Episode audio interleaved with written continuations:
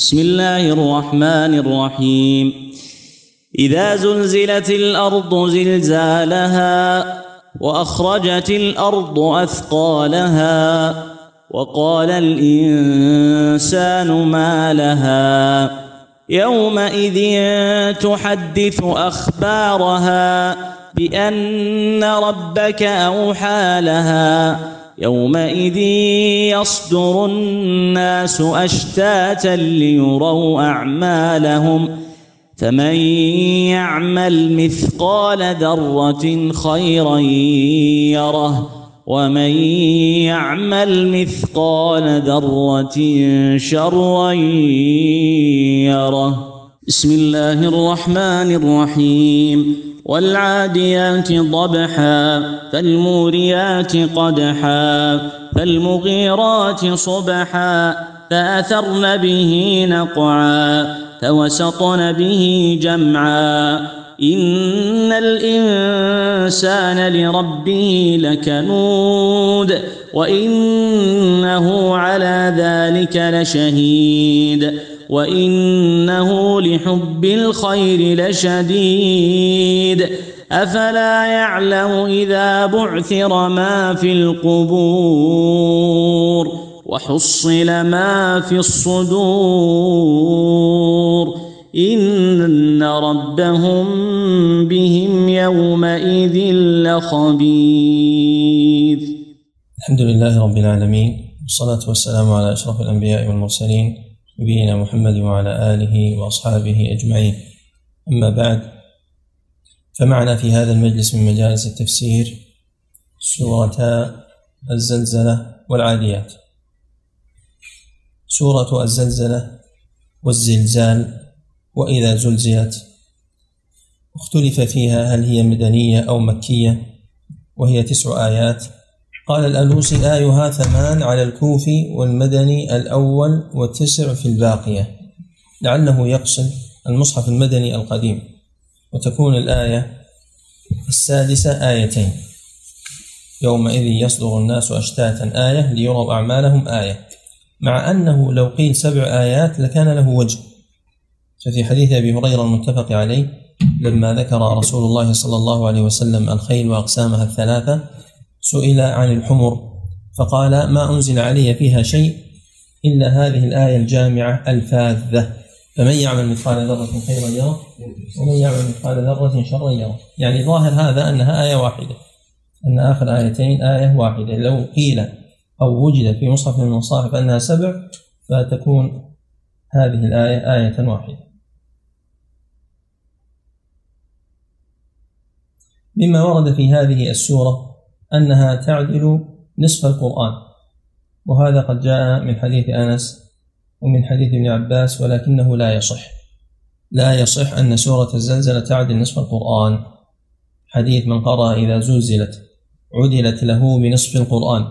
ومن قرأ قل يا أيها الكافرون عدلت له بربع القرآن. ومن قرأ قل هو الله أحد عدلت له بثلث القرآن لا يصح. ما يتعلق بقول هو الله أحد جاءت فيها احاديث كثيرة في الصحيحين يأتي في محلها أنها تعدل ثلث القرآن. لكن من فرد به هذان الحديثان عن تلك الأحاديث الصحيحة فيما يتعلق بسورتي الكافرون والزلزلة ضعيف. حديث أنس رواه الترمذي علته الحسن بن سلم العجلي مجهول. وحديث ابن عباس أيضا رواه الترمذي عقبة مباشرة. وعلته يمان بن المغيرة العنزي ضعيف. بقي أنه قال سعيد بن المسيب صلى رسول الله صلى الله عليه وسلم الفجر فقرأ في الركعة الأولى بإذا زلزلت ثم قام في الثانية فأعادها وهذا رواه أبو داود في المراسيل. فعلته معه أنه مرسل. بسم الله الرحمن الرحيم. إذا زلزلت الأرض زلزالها. الزلزال يكون حسيا ويكون معنويا ويجتمعان كما هنا فهذه زلزلة معنوية حسية. مثال الثاني فقط يعني تكون زلزلة معنوية مع كون الأرض لم تهتز ولم تتحرك ولم تضطرب قوله تعالى هنالك ابتلي المؤمنون وزلزلوا زلزالا شديدا. إذا يخبر الله عز وجل عن زلزلة الأرض. إذا ظرف لما يستقبل من الزمان. إذا زلزلت الأرض زلزالها يعني حركت واضطربت اضطرابا شديدا لذلك أكد بقوله زلزالها. لم تكن زلزالا أولا لأن أواخر الآيات جاءت بهذا النمط في هذه الآيات الأربعة أو الخمسة. وثانيا أن هذا أسلوب معروف في لغة العرب من إضافة المصدر فعل فعلته وأعطيتك أعطيتك ونحو ذلك. فهذه الزلزلة تكون يوم القيامة. للعلماء فيه قولان القول الأول أنها زلزلة تكون في علامات الساعة يعني في آخر الدنيا وأنها زلزلة تكون يوم القيامة. صحيح أن كل منهما فيه زلزلة لكن يظهر والله أعلم أن هذه زلزلة يوم القيامة. قال تعالى يا أيها الناس اتقوا ربكم إن زلزلة الساعة شيء عظيم. الساعة لها زلزلة بلا شك. وأما زلزلة يوم القيامة وأما زلزلة أشراط الساعة فيأتي في الآية التي بعدها إن شاء الله كلام عن ذلك. والجدير بالذكر أنه في ترجمة الحريري المتوفى سنة 645 وهو من الاتحاديين مثل وهو من الاتحاديين القائلين بوحدة الوجود مثل ابن عربي الطائي. قال الذهبي في سير علام النبلاء حدثني أبو إسحاق الصريفيني قال قلت للحريري ما الحجة في الرقص؟ يعني أنتم ترقصون وتتقربون إلى الله بذلك ما الحجة؟ ما دليلكم؟ قال إذا زلزلت الأرض زلزال هذا مثل احتجاجهم في تعليق المسبحة بقوله تعالى إيش؟ والهدي والقلائد. قلائد معروف أنه الهدي وهم يستدلون به على تعليق المسابح في الأعناق فهذا من العبث بلا شك. وإنما ذكرناه للتنبيه على ضلالهم. طيب. إذا زلزلت الأرض التي نحن عليها زلزالها الأكبر وزلزالها الشديد وأخرجت الأرض أثقالها. فإعادة الأرض في الآيتين للتنبيه والتأكيد والاهتمام بشأنها ولذلك يعاد ويكرر ولا يكتفى بالضمير. وهذا يسمى إخراج الكلام على خلاف الظاهر. لا وهذا يسمى إيش؟ موافقة الكلام للمقصود. يعني أحيانا يكون المناسب لمقتضى الحال. الإطناب وأحيانا يكون المناسب لمقتضى الحال. الإيجاز وأحيانا يكون التوسط. فلكل حالة ما يناسبها. فالمناسب هنا تكرار الأرض. فتكون الآيات متناسبة في الطول ويكون الاهتمام ظاهرا. لكن ما معنى إخراج الأرض لأثقالها؟ الصواب أنه كل ما تخرجه وكل ما تخرجه داخل في قوله أثقالها. لذلك يقال للجن والإنس الثقلان لأنهما يثقلان عليها ما دام في ظهرها فهما في ظهرها ثقل عليها فإذا دخل في باطنها كانا ثقلا لها. فالميت في بطن الأرض هو من الأثقال فالأرض تخرجها وكذلك تخرج كنوزها وتخرج أشياءها وأغراضها. ومن هنا ذكر بعض العلماء أن الزلزلة تكون من علامات الساعة لأنه جاء في الحديث الصحيح الذي رواه مسلم. أن النبي صلى الله عليه وسلم قال تقيء الأرض أفلاذ كبدها أمثال الأسطوان من الذهب والفضة. فيجيء القاتل فيقول في هذا قتلت. ويجيء القاطع فيقول في هذا قطعت رحمي. ويجيء السارق فيقول في هذا قطعت يدي. ثم يدعونه فلا يأخذون منه شيئا. فهذا الحديث حمله بعض أهل العلم على أشراط الساعة وأن هذا يكون يوم القيامة وأن هذا يكون قبل يوم القيامة. فإذا أخرجت الأرض أثقالها وما في بطنها وما في جوفها من الأشياء وقال الإنسان ما لها هذا أيضا معطوف على ما سبق. إلى الآن لم يأتي جواب إذا. وقال الإنسان العلماء فيه قولان القول الأول الإنسان مطلق الإنسان. لماذا؟ لأنه من شدة الهول لأنه من شدة الهول وعظمة المقام وشدة الخوف. حتى الإنسان المؤمن يقول ما لها يعني ما للأرض ما الذي أصاب الأرض؟ القول الثاني أن الذي يقول ذلك هو الكافر الذي يجحد البعث. أما المؤمن فهو معترف فلا يسأل. أما الكافر فهو الذي يقول ما بالها ما شأنها لماذا زلزلت لماذا أخرجت الأرض أثقالها فهذه الأرض أذنت لله عز وجل عندما تنشق السماء. إذا السماء انشقت وأذنت لربها وحقت وإذا الأرض مدت وألقت ما فيها وتخلت وأذنت لربها وحقت. يومئذ تحدث أخبارها. هذا هو الجواب. تلاحظ أن كلمة يومئذ هو بمعنى إذا لأن إذا ظرف فيما يستقبل ويوم أيضا ظرف فهو تأكيد لما تضمنته إذا من المعنى. وقت زلزلت الأرض زلزالها وقتئذ يعني وقت حصول هذه الأشياء السابقة تحدث الأرض أخبارها. أي تنبئ بأخبارها. في قراءة سعيد بن جبير تنبئ أخبارها وقرأها أيضا تحدث. كما روى ابن أبي شيبة في المصنف والطبري في تفسيره. إذا تحدث الأرض أخبارها وتنبئ وتخبر ثم في أخبارها أقوال. القول الأول ما عمله العباد على ظهرها. والقول الثاني تخبر بأشراط الساعة وبما يحصل يوم القيامة. وقد جاء عند الترمذي والنسائي في الكبرى وأحمد عن أبي هريرة قال قرأ رسول الله صلى الله عليه وسلم هذه الآية. يومئذ تحدث أخبارها. قال أتدرون ما أخبارها؟ قالوا الله ورسوله أعلم. قال فإن أخبارها أن تشهد على كل عبد وأمة بما عمل على ظهرها. تقول عمل يوم كذا كذا وكذا. قال فهذه أخبارها. وهذا الحديث وإن صححه الترمذي وابن حبان والحاكم لكنه حديث ضعيف. فيه يحيى بن أبي سليمان. قال عنه البخاري منكر الحديث. وقال أبو حاتم مضطرب الحديث ليس بالقوي يكتب حديثه. ما معنى يكتب حديثه؟ يعني أنه لم يصل إلى الضعف يعني أنه لم يصل إلى درجة شدة الضعف بأن حديثه غير معتبر أصلا ولا يكتب وجوده كعدمه لا إنما يكتب حديثه ليعتبر به. لينظر هل يوجد له شاهد يقويه أو لا. هذا معنى يكتب حديثه. وقال ابن خزيمة لا أعرفه بعدالة ولا جرح. وإنما خرجت خبره لأنه لم يختلف فيه العلماء. يختلف في الخبر الذي أخرجه. وقال ابن عدي وهو ممن تكتب أحاديثه وإن كان بعضها غير محفوظ. قال ابن حجر لين الحديث.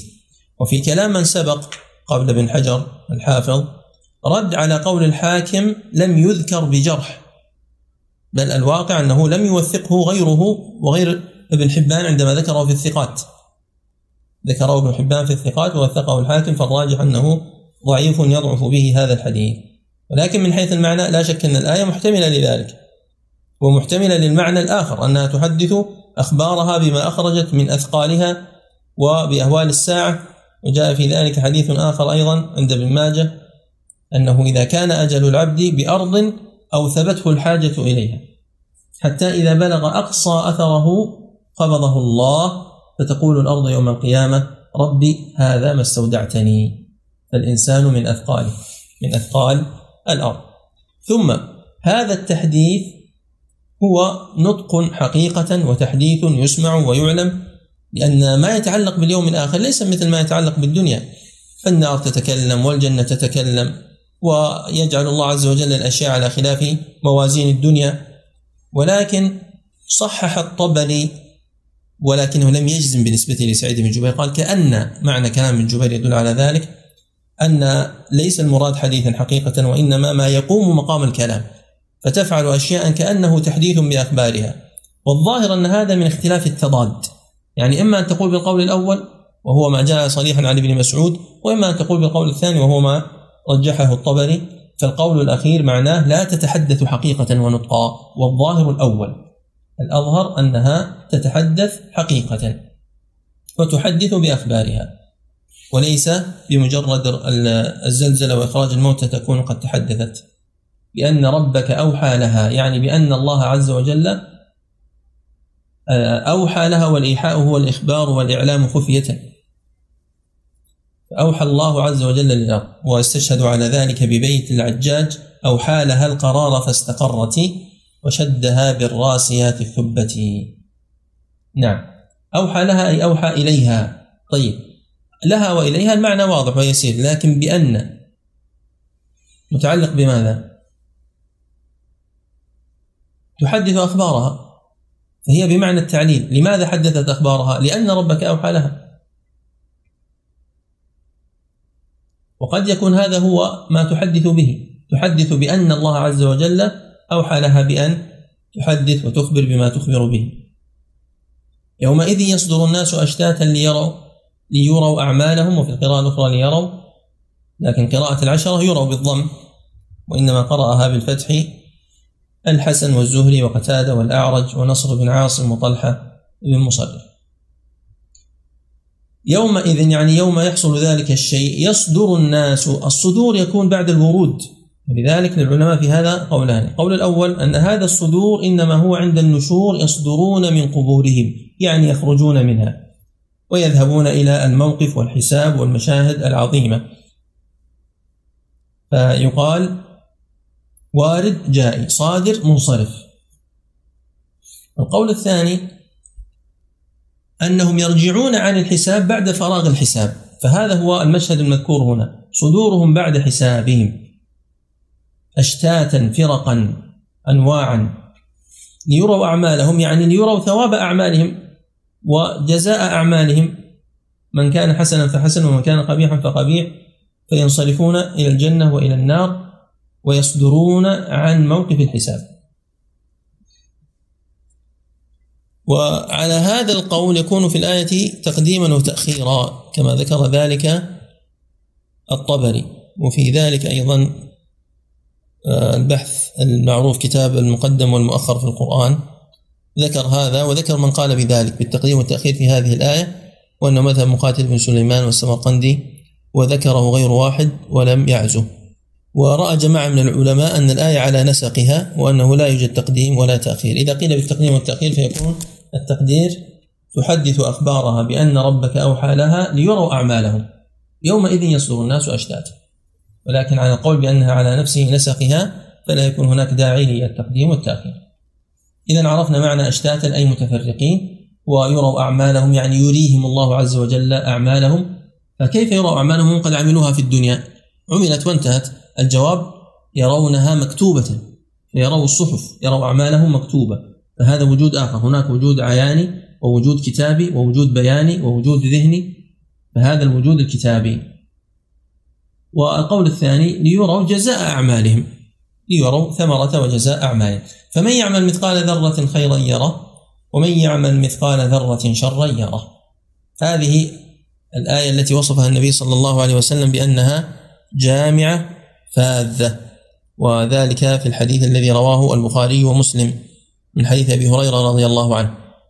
أن النبي صلى الله عليه وسلم قال الخيل لرجل أجر ولرجل ستر. وعلى رجل وزر. يعني هذه ثلاثة أقسام للناس مع الخيل.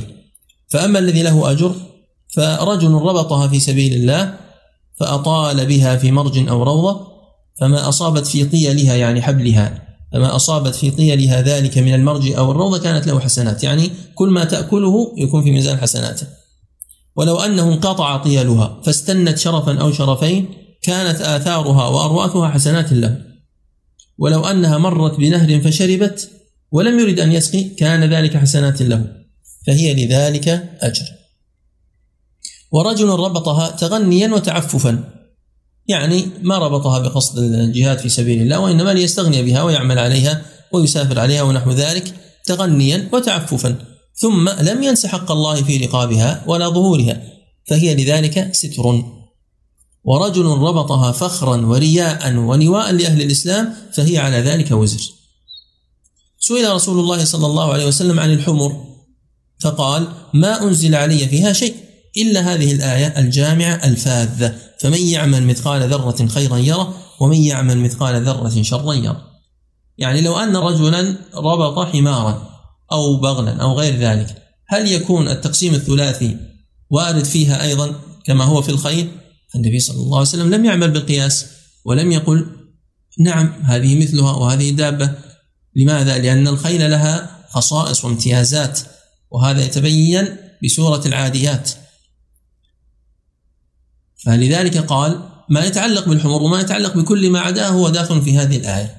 فإذا ربطها لأجل فإذا ربطها لأجل الأجر كان ممن عمل مثقال ذرة خيرا فصاعدا فيؤجر على ذلك. فهذه آية عامة وفيه الحكم بالعموم والرجوع إلى العموم عند عدم وجود النص. ولكن هذا لا يمنع القياس الصحيح لورود نصوص أخرى لذلك. فنستفيد من هذا الحديث. تمييز الخيل بمثل هذا الأجر الذي ذكر. ثم إن الله عز وجل قال مثقال أي وزن ذرة قالوا في الذرة أقوال تدل على أنه أصغر شيء. يعني مهما كان الشيء متناهيا في الصغر فإن الله عز وجل يثيب عليه. إن خيرا فخير وإن شرا فشر. فمن يعمل مثقال ذرة جاء في تفسير الطبري دودة حمراء لا وزن لها كما قال يزيد بن هارون. والذرة أيضا معروف في لغة العرب أنه آه، النمل الصغير يقال عنه ذر. وقال بعضهم أيضا إنه لا وزن له أخذ رغيفا فوزنه وضبط وزنه ثم وضعه فامتلأ من هذا الذر ثم وزنه فلم يزد شيئا لم يزد وزنه شيئا. يعني معناه أن إذا عمل الإنسان شيء لا وزن له في الدنيا لا يستطيع أن يزنه الناس بموازين الدنيا أن الله عز وجل لا يضيع له ذلك الشيء. لا يضيع عنده ولا مثقال الذرة ويدخل في ذلك ما يقوله العلماء الآن من الذرة لأنهم أخذوا كلمة الذرة من هذا المعنى اللغوي ومن استعمال العرب. يدخل ذلك أيضا فيه. فما يطلق عليه الآن العلماء الذرة من أصغر ما يعرفونه وإن كان هذه الذرة إذا انفصلت سيخرج عنها انفجار أو غير ذلك. هذا لا يهمنا الآن. إنما الذي يهمنا أنه مهما كان العمل قليلا يسيرا فإنه لا يضيع ولا يترك. وإن له عند الله عز وجل وزنا وطالبا. وقالوا في الذرة أيضا أنها الهباء الغبار. يعني ذرة التراب عندما تتطاير. قال تعالى ونضع الموازين القسط ليوم القيامة. فلا تظلم نفس شيئا. وإن كان مثقال حبة من خردل أتينا بها وكفى بنا حاسبين. يا بني إنها إن تك مثقال حبة من خردل فتكن في صخرة أو في السماوات أو في الأرض يأتي بها الله. الله عز وجل لا يضيع مثقال الذرة سبحانه وتعالى. وقد جاء أثران مهمان عند هذه الآية عن محمد بن كعب القرظي وعن ابن عباس. وإن كان بعض المفسرين عزى أثر محمد بن كعب بن عباس. أثر ابن عباس من رواية علي بن أبي طلحة عنه أنه قال عند هذه الآية ليس مؤمن ولا كافر عمل خيرا ولا شرا في الدنيا إلا آتاه الله إياه. فأما المؤمن فيريه حسناته وسيئاته فيغفر له سيئاته وأما الكافر فيرد حسناته ويعذبه بسيئاته. وهذا قد رواه الطبري. والطبري أيضا قد روى أثر محمد بن كعب الذي معناه أن الذي يعمل من الكفار سواء كان خيرا أو شرا فإنه يؤتى به. فما كان من خير فإنه يراه في الدنيا يراه في الدنيا ولا يثاب عليه في الآخرة. وما كان من شر عوقب عليه إما في الدنيا والآخرة وإما في الآخرة فقط. وأما المؤمن فيراه في الدنيا ولا يعاقب عليه في الآخرة يعني ما عمله من شر وما عمله من مثقال الذر من الخير يقبل منه ويضاعف له في الآخرة. ولا تعارض بينهما. فالرد المراد به في رد حسنات الكافر يوم القيامة أي عدم القبول في الآخرة. وهذا لا ينفي أن يجازى به في الدنيا. لا ينفي الجزاء عليه في الدنيا لأنه جاء في صحيح مسلم من حديث أنس قال قال رسول الله صلى الله عليه وسلم إن الله لا يظلم مؤمنا حسنة يعطى بها في الدنيا ويجزى بها في الآخرة. إن الله لا يظلم مؤمنا حسنة. يعطى بها في الدنيا ويجزى بها في الآخرة. وأما الكافر فيطعم بحسنات ما عمل بها لله في الدنيا حتى إذا أفضى إلى الآخرة لم تكن له حسنة يجزى بها. الله عز وجل لا يظلم أحدا. حتى الكافر عندما يعمل الحسنة يجازيه لكن في الدنيا. وقد جاء من حديث أيوب عن أبي قلابة عن أنس أن هذه الآية لما نزلت كان أبو بكر رضي الله عنه يأكل مع النبي صلى الله عليه وسلم فأمسك. فقال يا رسول الله إنا لنرى ما عملنا من خير وشر. قال أرأيت ما تكره؟ فهو مثاقيل ذر الشر. يعني أن الله عز وجل يقابلك بالسيئات في الدنيا بالمصائب وما يقع. ويدخر لكم مثاقيل ذر الخير حتى تعطوه يوم القيامة. وجاء أيضا عن أيوب قال وجدنا في كتاب أبي قلابة عن أبي إدريس. أن أبا بكر فذكره مرسلا لأن أبا إدريس الخولاني أرسله والله أعلم إلا أن يكون قد ولم يدرك عندما يقول أن أبا بكر فهذا إرسال حتى لو كان قد أدرك أبا بكر إنما يكون متصلا لو قال عن أبي بكر. المهم بعد أن ذكر أبو إدريس الخولاني هذا الخبر قال فأرى مصداقها في كتاب الله وما أصابكم من مصيبة فبما كسبت أيديكم ويعفو عن كثير. كان أبو قلابة قد أوصى بكتبه لأيوب يعني عندما مات ولم تكن في نفس البلد فجاءت كتب أيوب. فلما جاءت سأل أبو أيوب ابن سيرين هل يروي هذه الكتب؟ هو كان قد سمع من أبي قلابة. وأبو قلابة يعرفه فأوصى بكتبه له. يقول هل أروي هذه الكتب؟ فقال له نعم. ثم قال بعد ذلك لا آمرك ولا أنهاك. وهذا قد رواه الخطيب في الكفاية. فهذا مما وجده في كتب أبي قلابة. هذا الخبر مما وجده أيوب السختياني في كتب أبي قلابة. يوم تجد كل نفس ما عملت من خير محضرا. وما عملت من سوء. يعني كله محضر. ما عملت من خير وما عملت من سوء. وعلى الوقف الآخر يوم تجد كل نفس ما عملت من خير محضرا. وما عملت من سوء تود لو أن بينها وبينه أمدا بعيدا. أما على الوقف الأول تود لو أن بينه وبينه أمدا بعيدا أي بينها وبين ذلك اليوم الذي تحضر فيه أعمالها. هذه الآية العظيمة بل هاتين الآيتين العظيمتين فيها أن ما يعمله الإنسان من مثقال الذر من الخير يراه وما يعمله من مثقال الذر من الشر يراه مثقال الذر يعني مهما كان الشيء يسيرا حقيرا. حتى يتصور الإنسان هذه الآية. لو حملت شعرة من المسجد وأخرجتها لا يضيع. هذا من مثقال الذر من الخير. لو قلت سبحان الله لا يضيع. هذا من مثقال الذر من الخير. لو تبسمت في وجه أخيك لا يضيع هذا من مثقال الذر من الخير. تبسمك في وجه أخيك صدقة. ثم إذا نظرت في النصوص وجدت ما هو أعجب. رجل يقتل مئة نفس ثم يهاجر من هذه القرية التي ظلم فيها نفسه إلى قرية مؤمنة. يموت في الطريق فيختصم فيه ملائكة الرحمة وملائكة العذاب فيجدوه على ما في بعض الروايات وأصل الحديث في الصحيحين. قد اقترب من القرية التي خرج إليها بشبر. في رواية ناء بصدره. يعني ما نسبة شبر إلى مسافة بين قريتين؟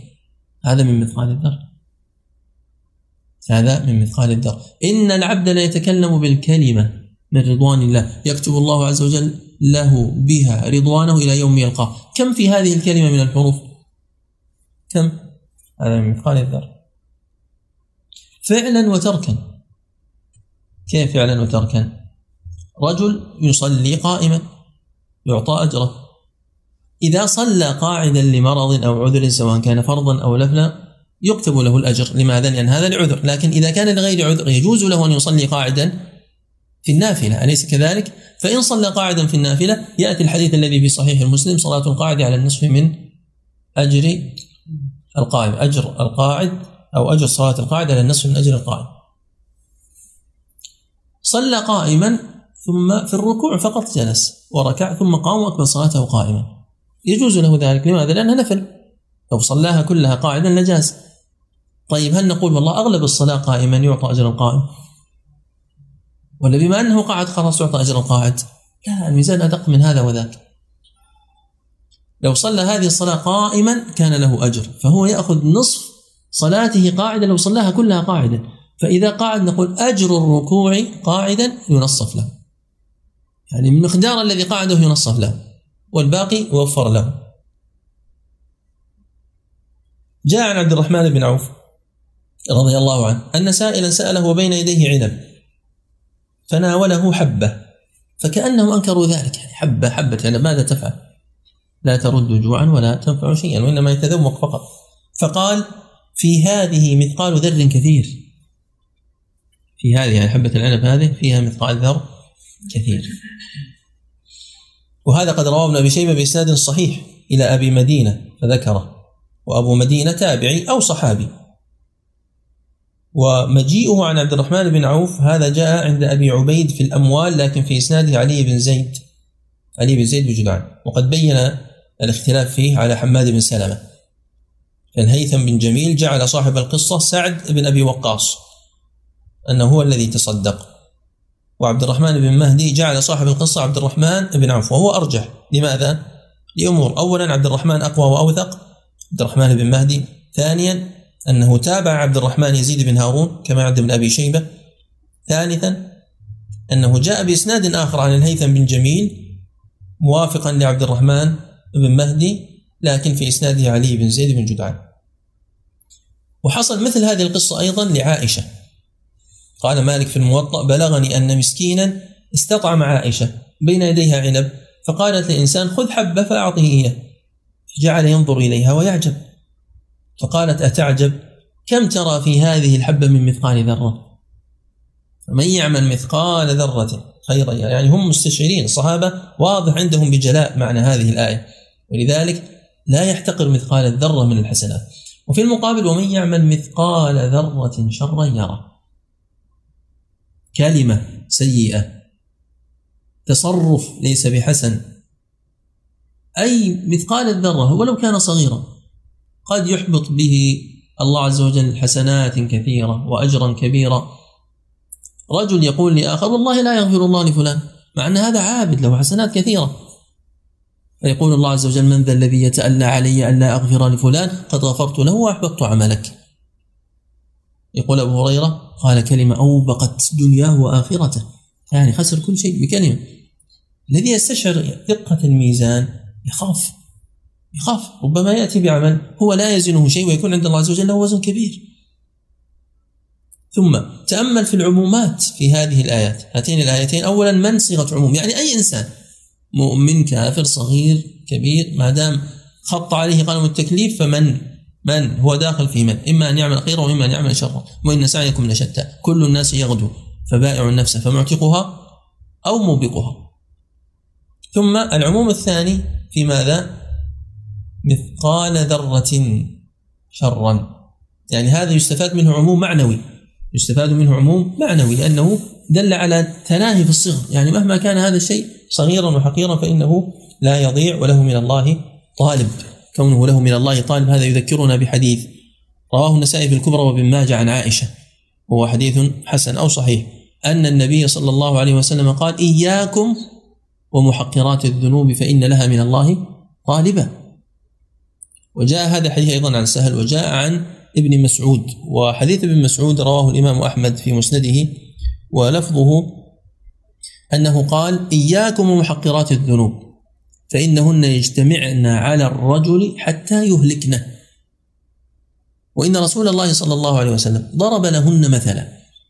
كمثل قوم نزلوا أرض فلات فحضر صنيع القوم يعني جاء وقت طعامهم.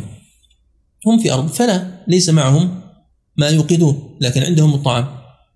قال فجعل الرجل ينطلق فيجيء بالعود والرجل يجيء بالعود حتى جمعوا سوادا فأججوا نارا وأنضجوا ما قذفوا فيها. يأتي بسيئة ويستحقرها ثم سيئة ويستحقرها ثم سيئة مع سيئة حتى تصبح شيئا كبيرا عظيما. لذلك يقول عبد الله بن المعتز وما أجمل ما قال خل الذنوب صغيرها وكبيرها ذاك التقى واصنع كماش فوق أرض الشوك يحذر ما يرى لا تحقرن صغيرة. إن الجبال من الحصى. الجبال من الحصى. والسيول من قطرات المطر. فيخاف الإنسان من سيئاته. هناك حديث ذكرناه من قبل وهو متعلق بهاتين الآيتين. الحسن صرح بسماع هذا الحديث لكن ممن اختلفت الروايات. فجاء عند أحمد والنسائي في الكبرى وغيرهما أنه سمعه من صعصعة عم الفرزدق أنه أتى على النبي صلى الله عليه وسلم فلما سمع فمن يعمل مثقال ذرة الآيتين قال حسبي لا أبالي ألا أسمع من القرآن غيرها. يعني أنها تكفيه موعظة ليس أنه تكفيه عن الأحكام وعن معرفة الدين لكن هذه موعظة كافية. من يتأملها يجد فيها تمام الكفاية. ولكن الصحيح أن صعصعة هو عم الأحنف. صعصع بن معاوية عم الأحنف وليس عم الفرزدق. فإن الفرزدق ليس له عم اسمه صعصع وإنما جده صعصع بن ناجية وهذا ما رجحه المزي وابن الأثير وابن حجر وغيره طيب. قال إبراهيم بن يزيد التيمي لقد أدركت ستين من أصحاب عبد الله في مسجدنا هذا. من هو عبد الله؟ نعم. هذا القائل هو إبراهيم بن يزيد التيمي. قال لقد أدركت ستين من أصحاب عبد الله في مسجدنا هذا. مسعود. أحسنت. عبد الله بن مسعود. أصغرهم الحارث بن سويد. وسمعته يقرأ إذا زلزلت حتى بلغ فمن يعمل مثقال ذرة خيرا يره. فبكى. ثم قال إن هذا لإحصاء شديد. كما رواه ابن أبي شيبة وأبو نعيم في الحلية ونختم بما ذكره القرطبي. قال ويحكى أن أعرابيا أخر خيرا يره. يعني قرأها فمن يعمل مثقال ذرة شرا يره ومن يعمل مثقال ذرة خيرا يره. فقيل له قدمت وأخرت. فقال خذا بطن هرشا أو قفاها فإنه كلا جانبي هرشا لهن طريق. يعني كل الطرق تؤدي إلى المقصود. والأعراب أشد كفرا ونفاقا وأجدر أن لا يعلم حدود ما أنزل الله. انتهت السورة بحمد الله. سورة العاديات وقد اختلف فيها أيضا في مكيتها ومدنيتها وهي إحدى عشرة آية. قال ربنا سبحانه وتعالى وعز وجل وتقدس. بسم الله الرحمن الرحيم. والعاديات ضبحا. أقسم سبحانه وتعالى بالعاديات وله سبحانه أن يقسم بما يشاء وليس لأحد من خلقه أن يقسم بغيره. ثم العاديات نعت لمنعوت محذوف. والأشهر والأكثر أنها نعت للخيل. وهذه الصفات المذكورة في هذه السورة هذه الصفات في هذه الآيات الخمسة هي صفات للخيل. والخيل مخلوق عظيم ولا يعرف عظمتها إلا المتخصصين من أهلها. ويكفيكم في هذا ما جاء في الصحيحين أن النبي صلى الله عليه وسلم قال الخيل معقود في نواصيها الخير إلى يوم القيامة. لا تقول جاءت سيارات جاءت دبابات يقول لك إلى يوم القيامة. معقود في نواصيها الخير. فإن قال قائل ما الخير؟ الجواب أجابك رسول الله صلى الله عليه وسلم فقال الأجر والمغنم. الأجر والمغنم. ولذلك استصحب الحديث السابق في سورة الزلزلة أن الخيل لثلاثة نفر. فالذين فسروا العاديات بأنها صفة للخيل هم الجمهور. قال البغوي هذا قول أكثر المفسرين. قال القرطبي كذا قال عامة المفسرين. قال ابن الجوزي قاله ابن عباس والحسن وعطاء ومجاهد وأبو العالية وعكرمة وقتادة وعطية والربيع واللغويون هؤلاء عشرة. زاد القرطبي أنسا وزاد الضحاك.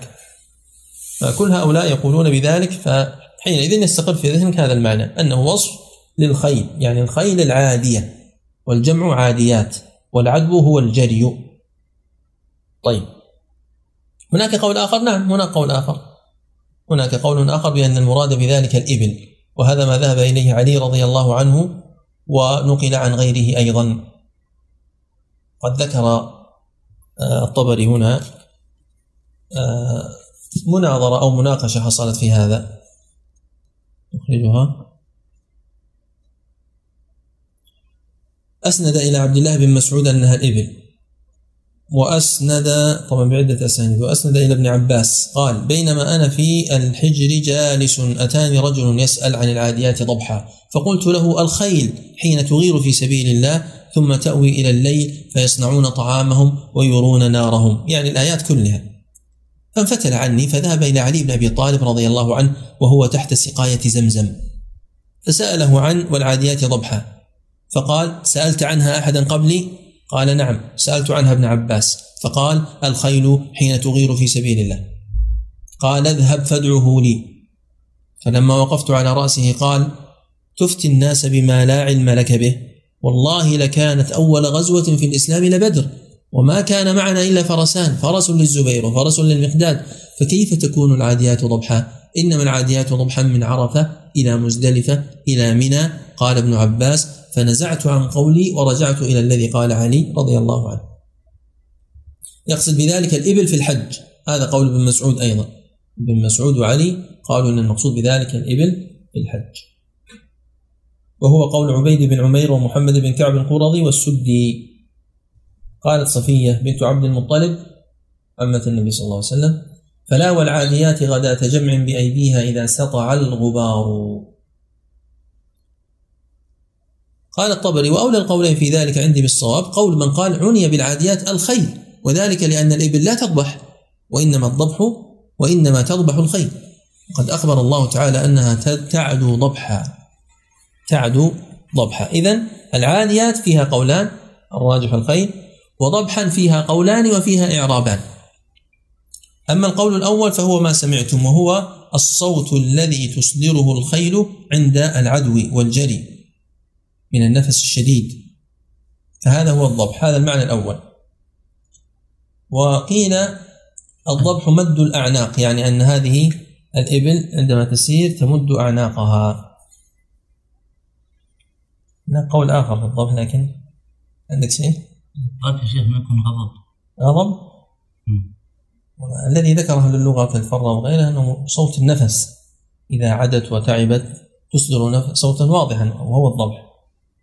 وفيها أيضا إعرابان. الإعراب الأول أنه حال والإعراب الثاني أنه مفعول مطلق لفعل محذوف. تضبح ضبحا والعاديات حين تضبح ضبحا. يعني تصدر هذا النفس والصوت الواضح. فأقسم الله عز وجل بها في هذه الحال. ثم قال فالموريات قدحا. هذا ليس قسم وإنما هو تبع للوصف. إقسام بالخيل فقط. ثم هذا الإقسام بالخيل على صفاتها أنها عدت فضبحت وفي عدوها أورت قدحا يعني أشعلت نارا. فالموريات هي الخيل حين توري بسنابكها وبحوافرها حين توري النار أي تظهر النار وتخرج النار بضربها في الصخر أو في الحجر أو في غير ذلك. شيخ تسمح لي سؤال؟ الله يعافيك. نعم تفضل. بارك الله فيك. طيب شيخنا هل ممكن أن نقول بما أن المنعوت ما وضح فممكن نقول القولين مع بعض الخير والإبل؟ أو يكون فيها تناقض. ومن اختلاف التنوع. هذه طريقة الطبري. الطبري يفعل ذلك دائما. هذا منهجه في التفسير. في وهذا واضح في النازعات وواضح في آه المرسلات. لكن في هذه الآية خالف منهجه وقال إنما هي الخيل لماذا؟ لأنه وجد دليلا.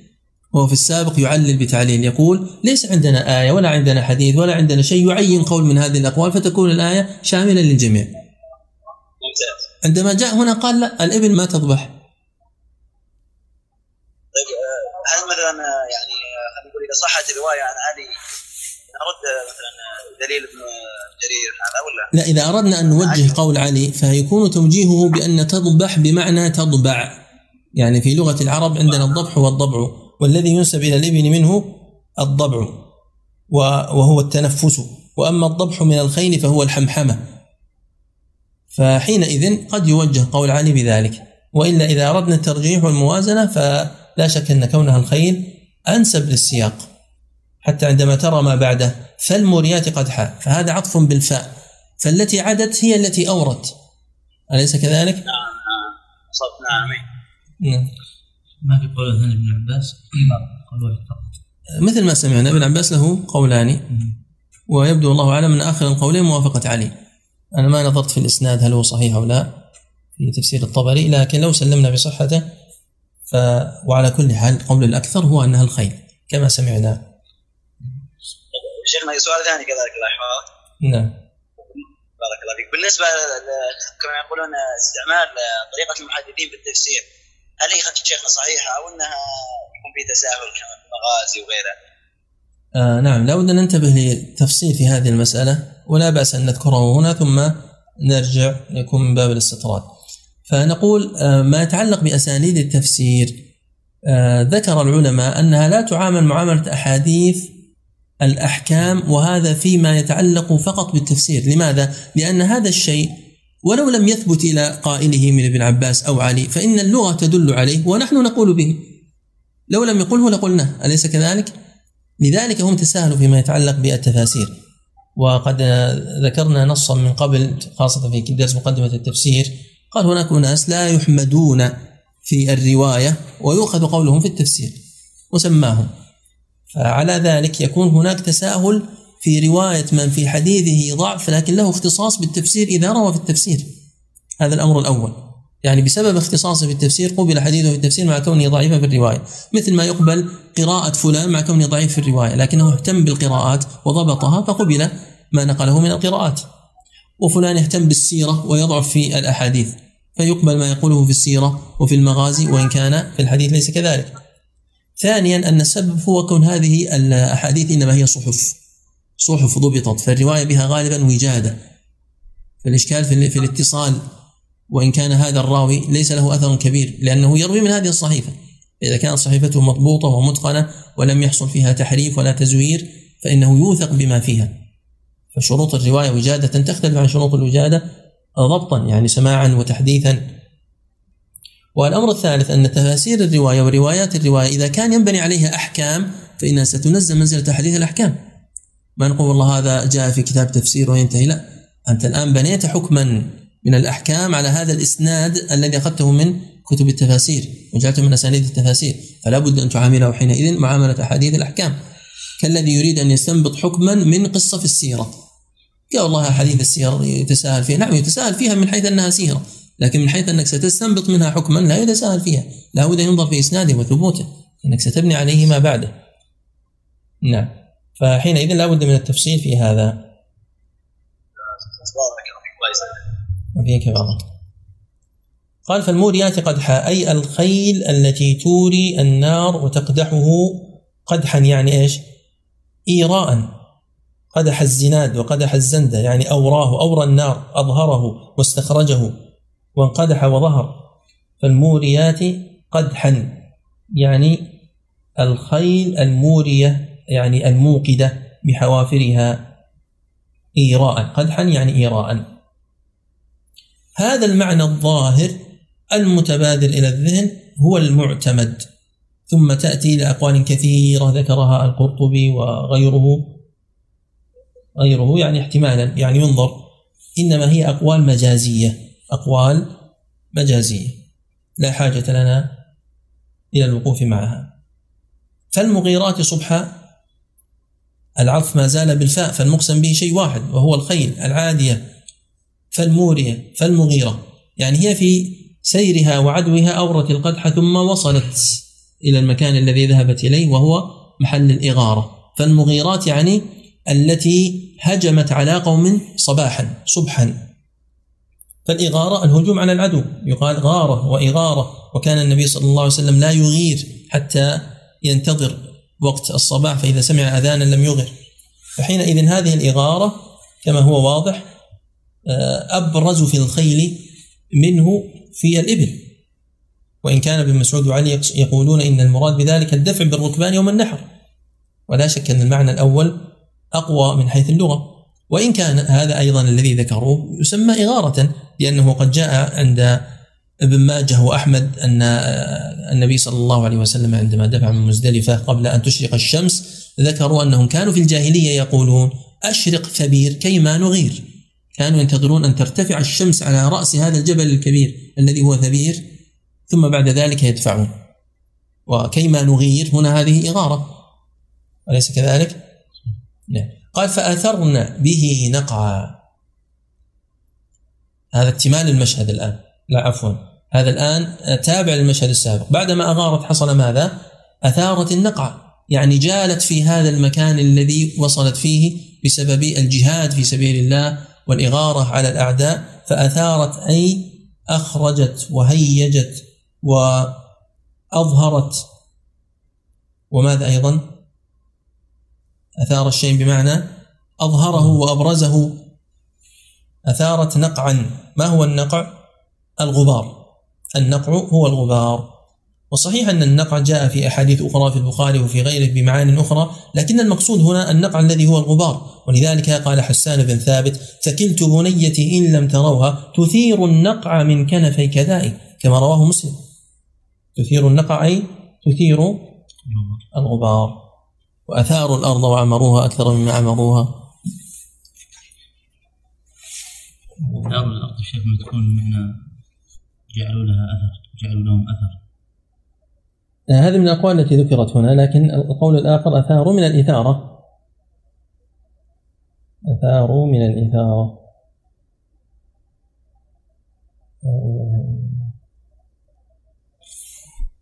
فأثرنا به الضمير يرجع إلى أي شيء؟ نعم. الخيل. الخيل أثرنا بالخيل نقع. النون في أثرنا هو الذي يرجع إلى الخيل. أحسنت. هذا هو القول الأول. أثرنا بتلك الأرض. أثرنا بتلك الأرض نقعا. والقول الثاني أثرنا بالفرسان. يعني بمن حملته نقعا. لأنها حاملة له طيب. قال بعد ذلك سبحانه وتعالى فوسطنا به جمعا أي توسطنا بركبانهن الجمع الذي أرادوا الإغارة عليهن. فهذا هو التوسط. يعني أنها دخلت في قلب المعركة وتوسطت جموع الأعداء ونحو ذلك. وذهب ابن مسعود علي إلى أن جمع اسم مزدلفة لأنهم يقولون من البداية هي الإبل. هذا قسم في خمس آيات. جواب القسم الشيء المقسم عليه هو إن الإنسان لربه لكنود. وصلنا الآن إلى مربط الفرس. ففيما سبق تعظيم لما أقسم الله عز وجل به ووصف لهذا الأمر الذي هو مثل المعركة. الله عز وجل يقسم بما شاء فأقسم بهذا الشيء العظيم الذي هو آه هجوم الإنسان بالخيل على أرض العدو. إن الإنسان لربه لكنود. جاء في حديث عن أبي أمامة تفسير لمعنى الكنود وأنه صلى الله عليه وسلم قال الكنود هو الذي يأكل وحده ويمنع رفده ويضرب عبده. يعني إنسان سيء الخلق. يأكل وحده من بخله مثل ما وصف بعض الناس بلا تسمية. ويمنع رفده يعني يمنع الخير الذي يكون عنده فلا يواسي جارا ولا ضيفا ولا قريبا ولا مسكينا. ويضرب عبده من سوء أخلاقه فإن لم يكن عنده عبد فإن لم يكن له عبد ضرب ولده. فهذا الحديث ضعيف جدا لا يصح. لا مرفوعا إلى النبي صلى الله عليه وسلم ولا موقوفا على أبي أمامة. ضعيف جدا. أخرجه الطبري وابن حبان في المجروحين والطبراني بإسناد فيه جعفر بن الزبير. جعفر بن الزبير متروك ليس مجرد ضعيف كما يقول ابن كثير مثلا. لا قليلة كلمة ضعيف في مثل هذا. يقول الهيثمي رواه الطبراني بإسنادين. في أحدهما جعفر بن الزبير وهو ضعيف وفي الآخر من لم أعرفه. طيب أما الموقوف فقد رواه البخاري في الأدب المفرد والطبري عن أبي أمامة من قوله أنه هو الذي قال ذلك في تفسير الكنود وهو ضعيف أيضا فإن فيه حمزة بن هانئ وهو مجهول. جاء هذا الحديث يعني هذا المتن من حديث ابن عباس أن النبي صلى الله عليه وسلم قال ألا أنبئكم بشراركم؟ قالوا بلى يا رسول الله. قال من نزل وحده ومنع رفده وضرب عبده. وهذا رواه عبد الله في زوائد الزهد وهو أيضا ضعيف. من أراد بيان ضعفه وسببه يراجع السلسلة الضعيفة للألباني رحمه الله. إذا ما معنى الآية؟ أولا الإنسان هل هو الكافر؟ أو الإنسان جنس الإنسان. فيه قولان. قول بأنه الكافر والقول الثاني بأنه الإنسان مطلقا. لماذا؟ على القول بأنه الكافر فحينئذ لا بانع لأنه وصف قبيح وذميم. مهما كان معنى الكنود فهو ينطبق على الكافر. يستحق هو الذي كفر.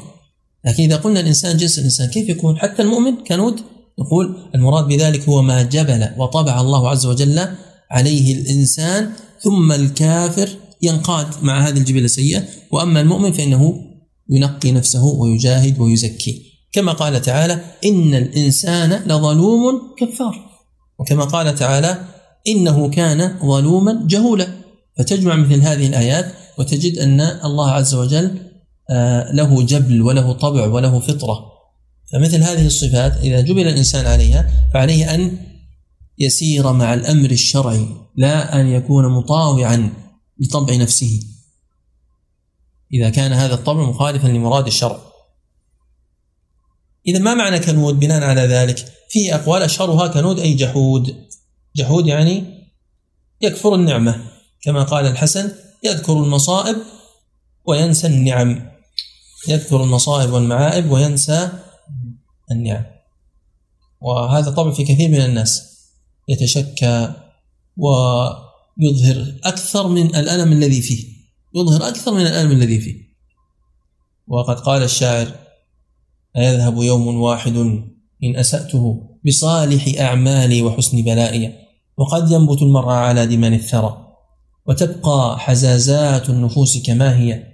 أريني سلاحي لا أبالك إنني أرى الحرب لا تزداد إلا تماديا. شاهد من هذا؟ يوم واحد. إذا أساء الإنسان يوم واحد خلاص ينسى تاريخه كله وينسف ولا يذكر الناس إلا آخر سيئة فعلها ويهدمون بذلك حسناته. وأما الله عز وجل فإذا أساء الإنسان الدهر كله ثم تاب في يوم محى كل سيئاته وأحبه وفرح به. قال القرطبي أخذه الشاعر فنظمه يا أيها الظالم في فعله والظلم مردود على من ظلم إلى متى أنت وحتى متى تشكو المصيبات وتنسى النعم.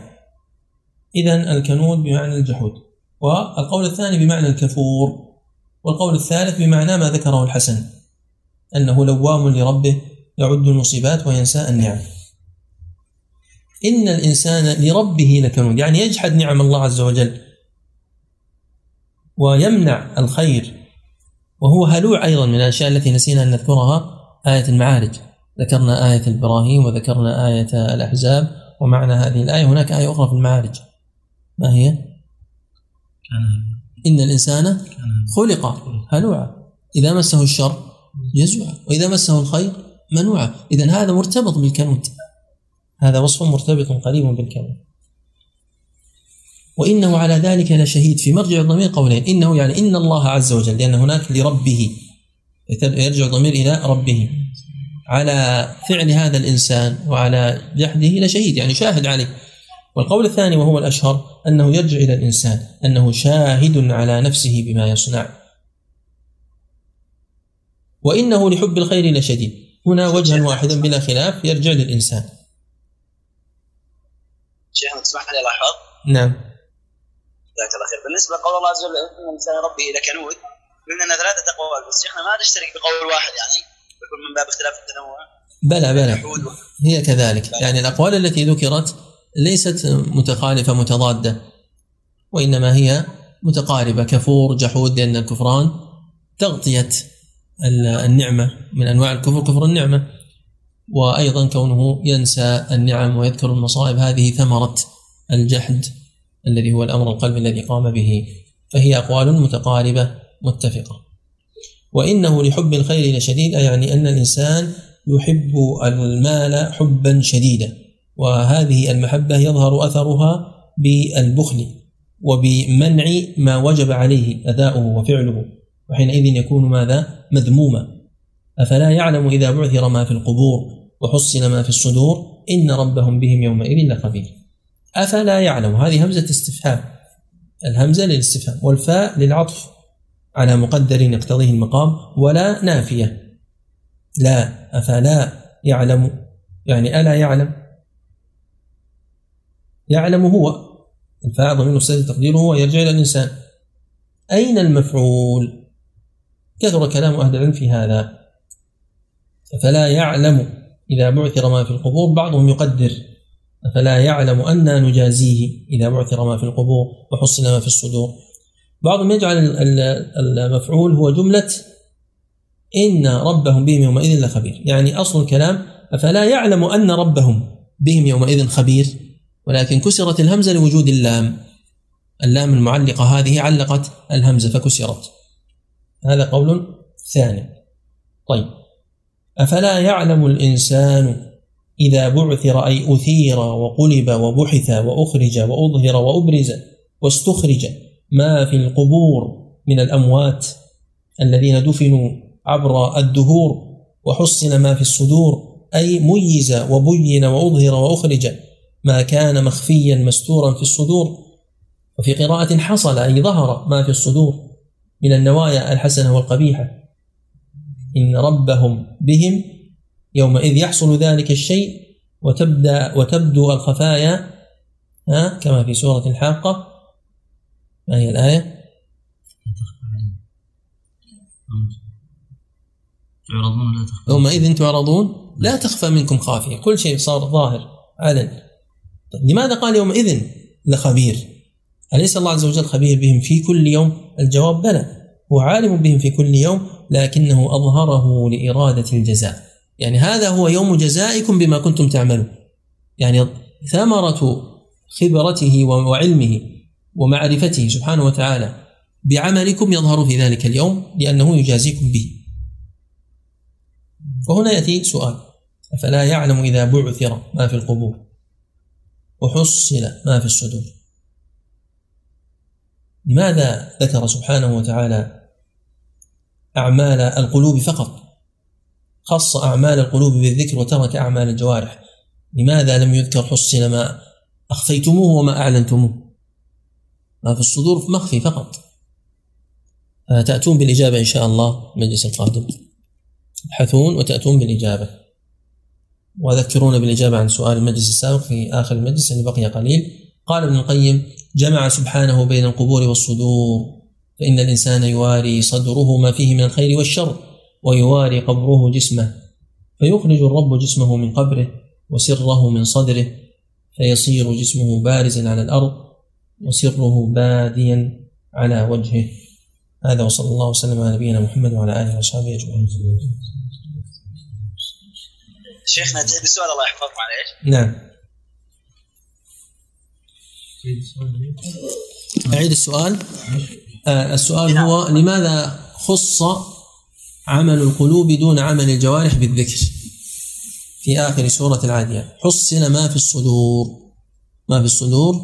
من إيمان وكفر وعمل. فلماذا خص دون عمل الجوارح؟ وقد وصلني جواب صحيح عن سؤال الدرس الماضي. كان السؤال في سورة القدر وفي سورة البينة رد على المرجئة. ما هي الآية التي ردت على المرجئة في هاتين السورتين؟ وقد أرسل أحد الأخوة إجابة صحيحة. الآية التي ترد على المرجئة قوله تعالى وما أمروا إلا أن يعبدوا الله مخلصين له الدين حنفاء ويقيموا الصلاة ويؤتوا الزكاة وذلك دين القيمة. فذلك دين القيمة يرجع إلى عمل إلى إقام الصلاة وإيتاء الزكاة وسماه الله عز وجل دينا فهو إيمان. وهذا يرد على المرجئة. وقد نص على ذلك جمع كبير من السلف. تجدون هذا في كتاب اللالكائي وفي كتاب الإبانة. الشافعي ذكره والبخاري نسبه إلى ألف عالم. ألف عالم قال هذه عقيدتهم وأول فقرة ذكر هذه الفقرة والاستدلال بهذه الآية. والاستدلال بهذه الآية. شيخنا إحنا صاحب الإبانة ذكره عن عطاء وصاحب الإبانة ذكره عن عطاء من التابعين. نعم تفضل. إيه أقول شيخنا إحنا نقرأ هذا كتاب أو ارتجال ما شاء الله. يعني أراجع وراك ويعني أعلق عليه. مع شيخنا. ما فهمت سؤالك. أقول اللي نقرأ من التعليق هذا هو من عندك شيخ أو إنه كتاب إني أعلق عليه. يعني نص المادة أو نص المحتوى. سوري واضح؟ إي نعم لكن ما ما ثمرة ذلك؟ يعني ماذا تستفيدين؟ أساس إني أخذ الكتاب وأعلق عليه. آه تعلق على الكتاب. نعم. نعم علق على القرطبي إذا أردت. يا ساتر نعم علق على القرطبي إذا أردت أن تعلق هذا الكلام. لأنه من أفضل التفاسير. يعني هو تفسير جامع وعندما بدأنا هذه الدروس لم نكن نتع... يعني كان القارئ يقرأ الآيات ثم يقرأ من تفسير المختصر المختصر في التفسير. ثم نتكلم عن الآيات بلا كتاب. ولكن لاحظت أنه يفوت كثير من الأشياء التي نريد أن نذكرها. فصرت بعد ذلك أدون رؤوس أقلام في أوراق في دفتر ثم وجدت أن هذا يطول ولا بد من ذكر أو من اعتماد كتاب ثم تكتب عليه الزيادات والأشياء التي لم يذكرها. وكان السبب في عدم اعتماد كتاب هو أنه لا يوجد تفسير يجمع أغلب ما تريد بحيث يكون ما تكتبه قليلا وإنما تجد عند فلان امتياز وعند فلان امتياز.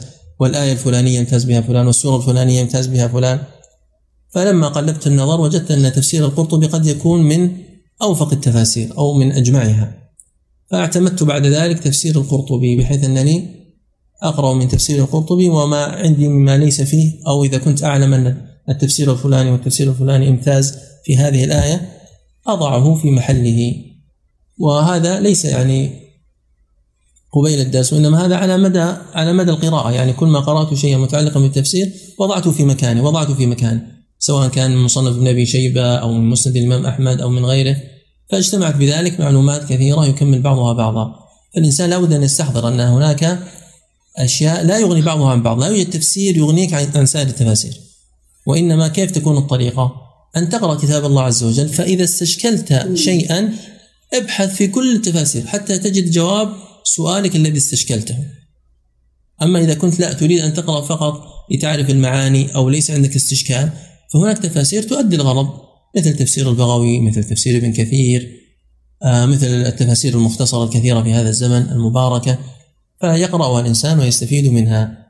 أما أن يكون هناك تفسير يغني عن تفسير هذا لا يوجد. كل تفسير يمتاز بشيء. فتجد آية معينة مثلا في سورة القمر عندما ذكر سبحانه وتعالى قصة لوط ذكر فيه فأخرج من كان فيها من المؤمنين فما وجد فيها غير بيت من المسلمين. مؤمنين ومسلمين هذه تراجع بن عاشور وبن كثير. هم الذين امتازوا بالكلام عن هذه الآية.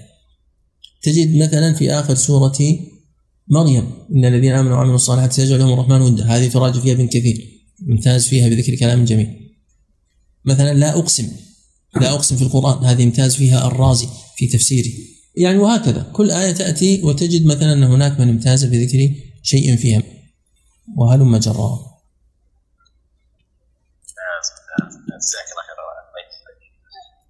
طيب بارك في سؤال خلاص؟ صلى الله وسلم على نبينا محمد وعلى آله وصحبه أجمعين.